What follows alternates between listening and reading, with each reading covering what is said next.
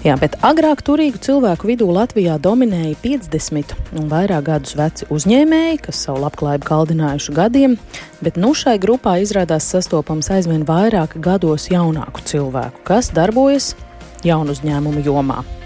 Kāds ir Latvijas turīgā iedzīvotāja profils, to izpētījuši Svetbanka speciālisti, un ko tas mums ļauj secināt, to vaicāšu Svetbanka individuālās apkalpošanas daļas vadītājai Katrīnai Kulbergai. Labdien, programmā pēcpusdiena! Labdien! Varbūt vispirms par to, kāpēc jums un bankai bija interesanti to pētīt, kāds ir šis turīgā cilvēka profils Latvijā. Jā, nu, mēs strādājot ar šiem klientiem individuālās apkalpošanas nodaļā, nu pat jau vairāk kā 20 gadu garumā, protams, mums ir ļoti svarīgi saprast, nu, kā mēs vislabāk varam palīdzēt šiem klientiem domāt par savu labklājību, kas ir aktuāls arī viņiem. Līdz ar to, nu, katru gadu veicam šādu pētījumu, lai saprastu, kas ir jaunākās tendences, kas ir viņu labklājības jomā tās lielākās aktualitātes, un šogad tādu tiešām bija daudz. Līdz ar to februāra sākumā izveicot šo ikgadēju aptauju, aptaujājam vairāk kā 400 eh, šādu savu klientu. Un uh, labprāt arī padalīšos ar kādiem nu, no šiem, šiem atklājumiem, ko uzzinājām. Jā, stāstiet, ko esat jūs, secinājuši. jā, kā jau jūs minējāt savā pieteikumā, tas tā viena lieta, ko mēs esam pamanījuši, ka būtiski tātad mazinās šo klientu vecums. Un tiešām, kā jūs minējāt, ja vēl pāris gadus atpakaļ varētu teikt, ka tas svārstījās ap 60 gadu vecumu, Tagad gadu no gada mūsu klients kļūst aizvien jaunāks. Te arī jāsaka, ka salīdzinot, teiksim, tādu veco Eiropu, kur turīgie klienti Francijā vidējais vecums ir uz 70 gadiem, Vācijā 60 plus, nu tad mūsu gadījumā tie ir šobrīd jau pēdējos gados aptuveni 52 gadus jauni, tā teikt, cilvēki. Bet īpaši arī pēdējā pusotra gadu laikā redzam, ka arvien vairāk mūsu klientu lokam pievienojās tādi klienti, kas ir tā saukto jaunu uzņēmumu vai startupu um, dibinātāji, kuriem ir izdevies uh, piesaistīt kādu būtisku kapitālu no kādiem ārvalstu investoriem vai vadošie darbinieki šajos uzņēmumos.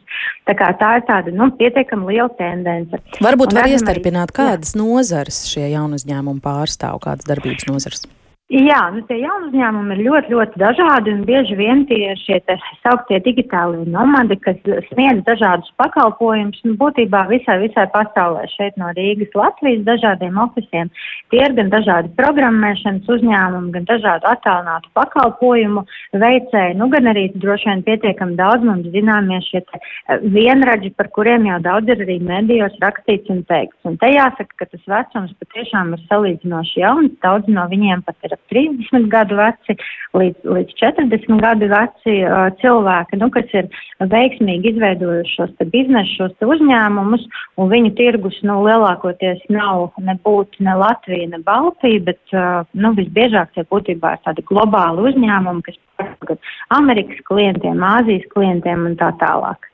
Nu, tā jāsaka, ka salīdzinot gan šo klientu segmentu atšķirības, varētu teikt, ka tās līdzības ir vairāk nekā atšķirības, jo pilnīgi noteikti gan mūsu līdzinējie klienti, gan arī šis te jaunais segments noteikti gan vieniem, gan otriem, nu tā, tā līdzība ir tajā, ka viņi ir uh, lielu uzņēmumu īpašnieki, vadošie darbinieki. Abiem ir ļoti aktuāli šie te jautājumi par to, nu kā, kā pareizi rīkoties ar savu labklājību, kā to ieguldīt, kas ir tie aktīvi, kuros izvietot naudu.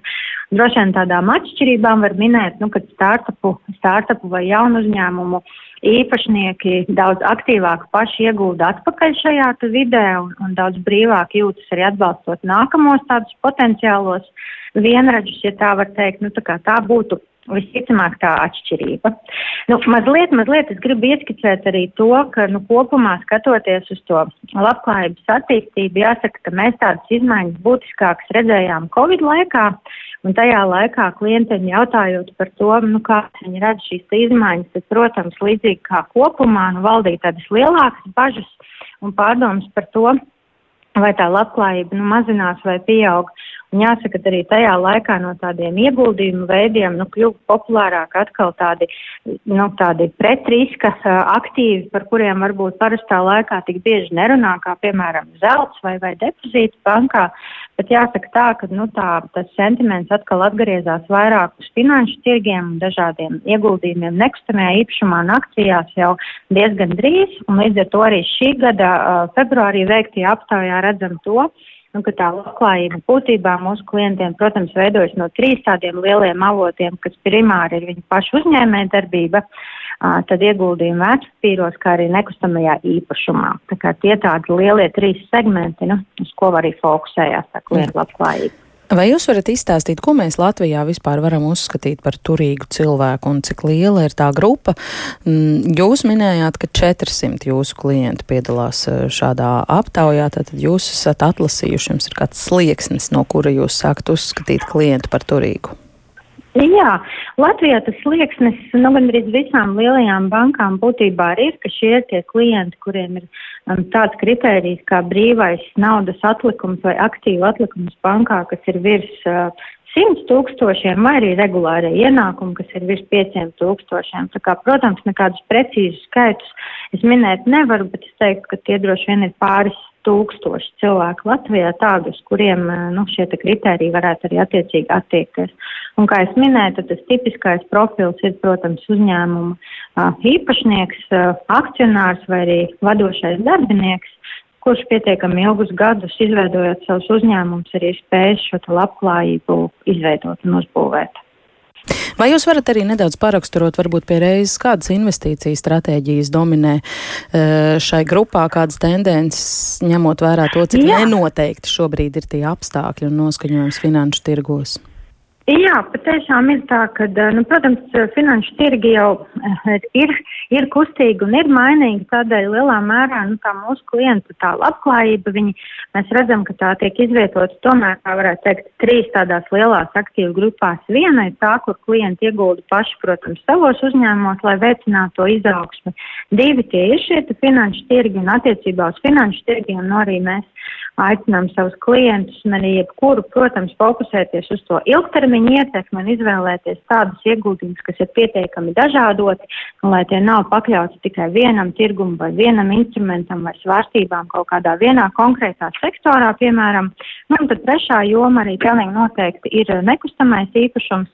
Un tad, kad mēs šajā pēdējā aptaujā vaicājām klientiem, nu, kas ir tie plāni, kur viņi plāno ieguldīt šajā gadā, 22. gadā, tad varētu teikt tā, ka vismaz pusi minēja nekustamo īpašumu joprojām kā tādu vienu no saviem ieguldījumiem, ko plāno veikt.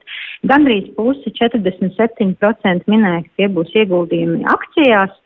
Un tad arī tālāk trešdaļa savā uzņēmē darbībā. Līdz ar to šādu te to proporciju mēs apmēram arī redzam. Nu, un konkrēti domājot par finanšu tirgiem, tad jā, tiešām tie parasti ir um, dažādi uh, nu, portfeļi, kuros ir tāds sabalansēts struktūra gan starp šīm te akcijām, kas mēdz būt varbūt svārstīgāks, gan arī obligācijām, kas savukārt varbūt to rezultātu padara tādu uh, mazliet, uh, mazliet prognozējamāku un to svārstīgumu izlīdzina. Līdz ar to tas būtu, nu, ka tas tipiskais klienta veids, kā viņš skatītos uz to, kādi ir šie viņam ieguldījumi un kur viņš to labklājību arī izvieto. Paldies par stāstījumu, teikšu Svetbanka individuālās apkalpošanas daļas vadītājai Katrīnai Kulbergai.